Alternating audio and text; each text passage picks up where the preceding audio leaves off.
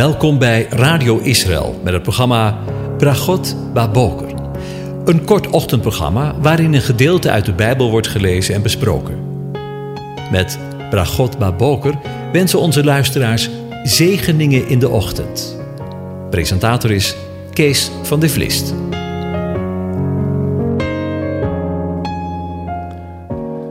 Goedemorgen, Bokatov, beste luisteraars. Vanmorgen denken we verder na voor de achtste keer over Psalm 127. Een pelgrimslied van Salomo. Als de Heer het huis niet bouwt, te vergeefs zwoegen zijn bouwers eraan. Als de Heer de stad niet bewaart, te vergeefs waakt de wachter. Het is te vergeefs dat u vroeg opstaat en laat opblijft. Brood eet waarvoor je moet zwoegen. De Heere geeft het zijn beminde in de slaap. Zie, kinderen zijn het eigendom van de Heere. De vrucht van de schoot is zijn beloning. Als pijlen in de hand van de held. Zo zijn de zonen ontvangen in de jeugd. Welzalig de man die zijn pijlkoker daarmee gevuld heeft. Zij worden niet beschaamd als zij met de vijand spreken in de poort. Tot zover. Over kinderen en zonen gesproken. In de afgelopen twee afleveringen hebben we stil, stilgestaan bij het kindschap en zoonschap vanuit het Oude, of beter gezegd, het Eerste Testament. Maar eveneens in het Nieuwe of Tweede Testament wordt gesproken over de kinderen of de zonen van de Heere God. Daar wil ik vanmorgen met u bij stilstaan. Wie aan het Bijbelse begrip zoonschap denkt, wordt direct bepaald bij het vaderschap van God. Immers, wil er sprake zijn van zoonschap, dan moet er eerst een vader zijn. In dit geval is het dan de Hemelse Vader, wiens zonen wij als gelovigen mogen zijn. Of zoals Galaten 4 vers 6 leert, en dat gij zonen zijt, God geeft de zoon zijn, de geest zijns zoons uitgezonden in onze harten die roept, Abba, Vader. Ook wordt er vaak een link gelegd met de aardse vaderschap. Zoals een aardse vader voor zijn kinderen zorgt, zo doet de hemelse vader dit in overtreffende trap voor de gelovigen. Veelal worden de volgende teksten toegepast om duidelijk te maken hoe God in onze tijd als vader voor ons zorgt. Bid en u zal gegeven worden. Indien gij dan, hoewel gij slecht staat, zijt goede gaven weten geven aan uw kinderen, hoeveel te meer zal uw Vader in de hemelen het goede geven aan hen die daarom bidden. Lezen we in Matthäus 7, vers 11. En indien gij mij iets vraagt, in mijn naam, ik zal het doen. Johannes 14, vers 14. Maar in hoeverre is dit een juiste uitleg van hoe Gods vaderschap in deze tijd werkt. Allereerst valt op dat de gebruikte Bijbelpassages allemaal over Israël en haar aardse roeping gaan. In de vorige twee uitzendingen konden wij zien dat hetgeen in de Bijbel aan Israël geadresseerd is, niet zonder meer op ons toegepast kan worden. Israël wordt in de eerste in de aardse sfeer gezegend met fysieke en materiële zegeningen. Terwijl wij als leden van het lichaam van Christus met alle geestelijke zegen in de hemel gezegend zijn, lezen we in Efeze 3 vers 3. Daarnaast wrikt deze uitleg ook in de praktijk met het dagelijks leven. Natuurlijk mag ervaring geen grond zijn voor de Bijbeluitleg, maar het kan wel een bevestiging zijn. Hoe kan het zo zijn dat een in nood verkerende zoon van God tot zijn hemelse vader bidt en niet door hem verhoord wordt? Toch gebeurt dit dagelijks, onder zowel jongere als oudere gelovigen. Kinderen met kanker, radeloze ouders van een aan drugs verslaafd kind, en depressieve bejaarden. Ze bidden allemaal tot God om hulp. En toch, en toch sterven zij. verliezen hun kind of raken nog dieper in de put. Is dit dan een straf van God? Of is dit gewoon een barbaarse vader? Of werkt het toch allemaal anders? In deze uitzending probeer ik samen met u te zoeken naar een antwoord. En daarbij hanteer ik Efeze 1. Want het begrip zoonschap komt in de brief aan Efeziërs en in de rest van de Bijbel niet zomaar uit de lucht vallen. De apostel Paulus gebruikt hier een veel voorkomende culturele instelling als beeld voor de realiteit van de verhouding tussen God en de gelovigen. En het zoonschap als culturele instelling waren bepaalde kenmerken en regels verbonden. Bij het uitleggen van wat het schoonschap in geestelijke zin inhoudt en hoe dit praktisch toegepast kan worden op ons leven, is het belangrijk om hiermee rekening te houden. Zo krijgen we namelijk ook zicht op de juiste betekenissen van en worden verkeerde verwachtingen voorkomen. Wanneer in de Grieks-Romeinse cultuur onder vooraanstaande mensen een kind van het mannelijk geslacht geboren werd, was dit niet gelijk een zoon. Een kind groeide de eerste jaren van zijn leven op in een buitenverblijf. Daar werd hij voorbereid om het leren dragen van verantwoordelijkheden van het zoonschap. Een van de rechten die bij het zoonschap hoorde, was het erfgenaamschap over het bezit van de vader. Het dragen van het erfgenaamschap werd niet lichtvaardig opgevat. Een onbekwaam kind zou namelijk al in het bezit in één of meerdere mensenlevens van zijn voorouders opgebouwd in korte tijd ten gronde kunnen richten. Daarom was het belangrijk om goed na te gaan of een kind wel in staat zou zijn om het erfgoed van zijn vader te beheren en hem hierin te bekwamen. Dit gebeurde dus in een verblijf buiten het huis van de vader. De aanstaande zoon stond hier, zolang hij minderjarig was, onder voogdij of toezicht van zijn opvoeder, de pedagogos. Deze opvoeder leerde het kind datgene wat hij moest leren om later een goed bestuurder van het huis te worden en zijn weg te vinden in de samenleving. Op het moment dat het kind meerderjarig werd en bekwaam geacht werd om de verantwoordelijkheden van het zoonschap te ontvangen, werd hij daadwerkelijk als zoon bij zijn vader in huis opgenomen. Hier ging wel een procedure aan vooraf. Het zoonschap en het hieraan verbonden rechten en plichten, waaronder het erfgenaamschap, werden in een document beschreven. Dit document moest bekrachtigd worden doordat zeven aanwezige getuigen het besloten met hun zegel. Minimaal één van deze zeven getuigen moest bij het overlijden van de vader kunnen getuigen dat de aangestelde zoon daadwerkelijk recht had op de erfenis, wilde de zoon deze daadwerkelijk kunnen ontvangen. Maar niet alleen natuurlijke, biologische kinderen konden aangenomen worden tot zonen. Wanneer een vader kinderloos was of zijn natuurlijke kind was onbekwaam tot het zoonschap, dan kon hij een vreemd kind adopteren.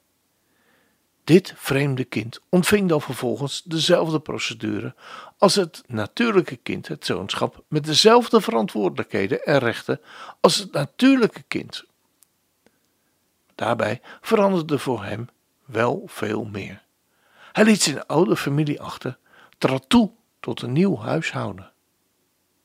Daarbij ontving hij tegelijkertijd een nieuwe naam namelijk die van zijn adoptiefamilie. Bovendien kreeg hij nieuwe verantwoordelijkheden en rechten die doorgaans omvangrijker waren dan in zijn vorige situatie. Er was dus sprake van een totale ommekeer. In de Bijbel wordt de procedure tot het verkrijgen van een zoonschap gebruikt als beeld voor toenadering van de gelovigen tot God. Daarbij worden de gelovigen uit Israël als natuurlijke kinderen aangemerkt. en gelovigen uit de heidenen als adoptiekinderen. Zo staat in Gelaten 4 vers 1 tot 5 het volgende ten aanzien van de gelovigen uit Israël. Ik bedoel dit. Zolang de erfgenaam onmondig is, verschilt hij in niets van een slaaf. Al is hij ook eigenaar van alles, maar hij staat onder voogdij en toezicht tot op het tijdstip dat door zijn vader tevoren bepaald was. Zo blijven ook wij, zolang wij onmondig waren, onderworpen aan de wereldgeesten.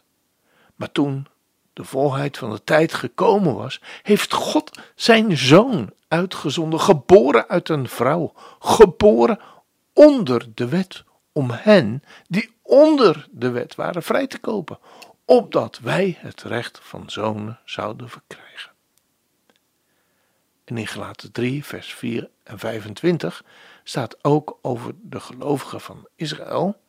De wet is dus een tuchtmeester, een pedagogos voor ons geweest, tot Christus, tot de Messias, opdat wij uit het geloof gerechtvaardigd zouden worden. Nu echter het geloof gekomen is, zijn wij niet meer onder de tuchtmeester. De gelovigen uit Israël hebben door het verlossende werk van Christus, de Messias, het zoonschap ontvangen. Er moet wel direct bijgezegd worden dat dit nog niet het gehele zoonschap is, maar een deel ervan. Dit wordt in Romeinen 8, vers 15 omschreven als de geest van het zoonschap. De gelovige is formeel aangenomen als zoon van de Hemelse Vader, maar de zichtbare uitwerkingen van laat nog op zich wachten. Hij is immers nog niet fysiek in het huis van de Hemelse Vader ingetrokken. Wel is het zo dat hij in geestelijke zin uit het zoonschap mag leven. Hij leeft namelijk uit de verwachting ervan. In Romeinen 8, vers 23 wordt dit gegeven duidelijk beschreven. En niet alleen zij, maar ook wij zelf, wij die de geest, bedoeld worden hier de nieuwe natuur, als eerste gave ontvangen hebben, zuchten bij onszelf in de verwachting van het zoonschap, de verlossing van ons lichaam. De gelovigen uit Israël gold dus dat zij wel het zoonschap verkregen hadden, maar dat in feitelijkheid nog niet in werking getreden was. Dit zou pas gebeuren met de verlossing van hun lichaam bij de wederkomst van de Messias. Wel mochten zij in de geestelijke zin uit het zoonschap leven, alhoewel dit fysiek niet uitwerken. De volgende keer hoop ik hier verder met u over na te denken.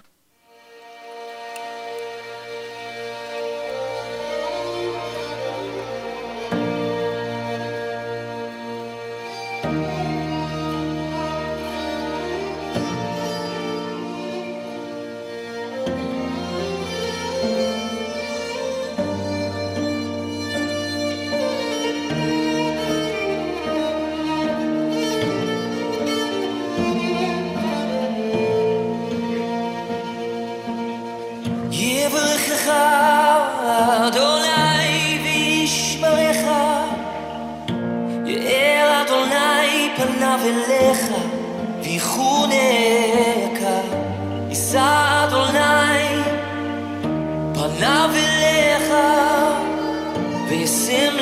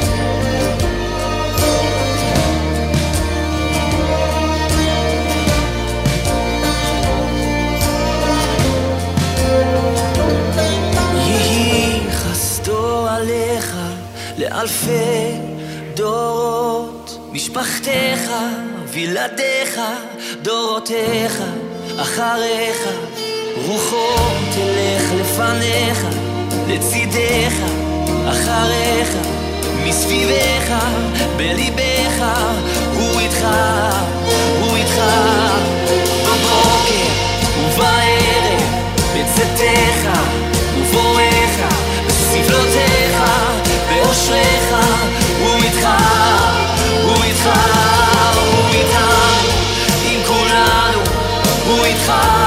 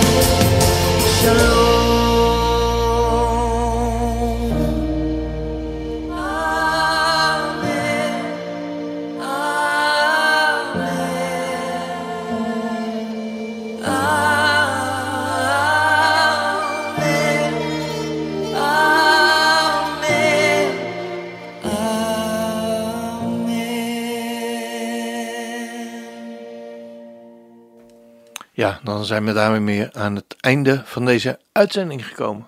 En wens ik u Gods zegen toe. De Heer zegene en hij behoedt u. De Heer doet zijn aangezicht over u lichten en zij u genadig.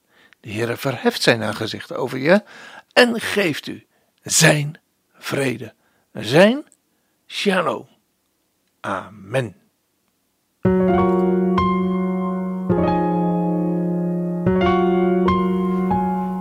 U hebt geluisterd naar het programma Bragot Baboker. Een kort ochtendprogramma waarin een gedeelte uit de Bijbel wordt gelezen en besproken. Wilt u het programma nog eens naluisteren, dan kan dat.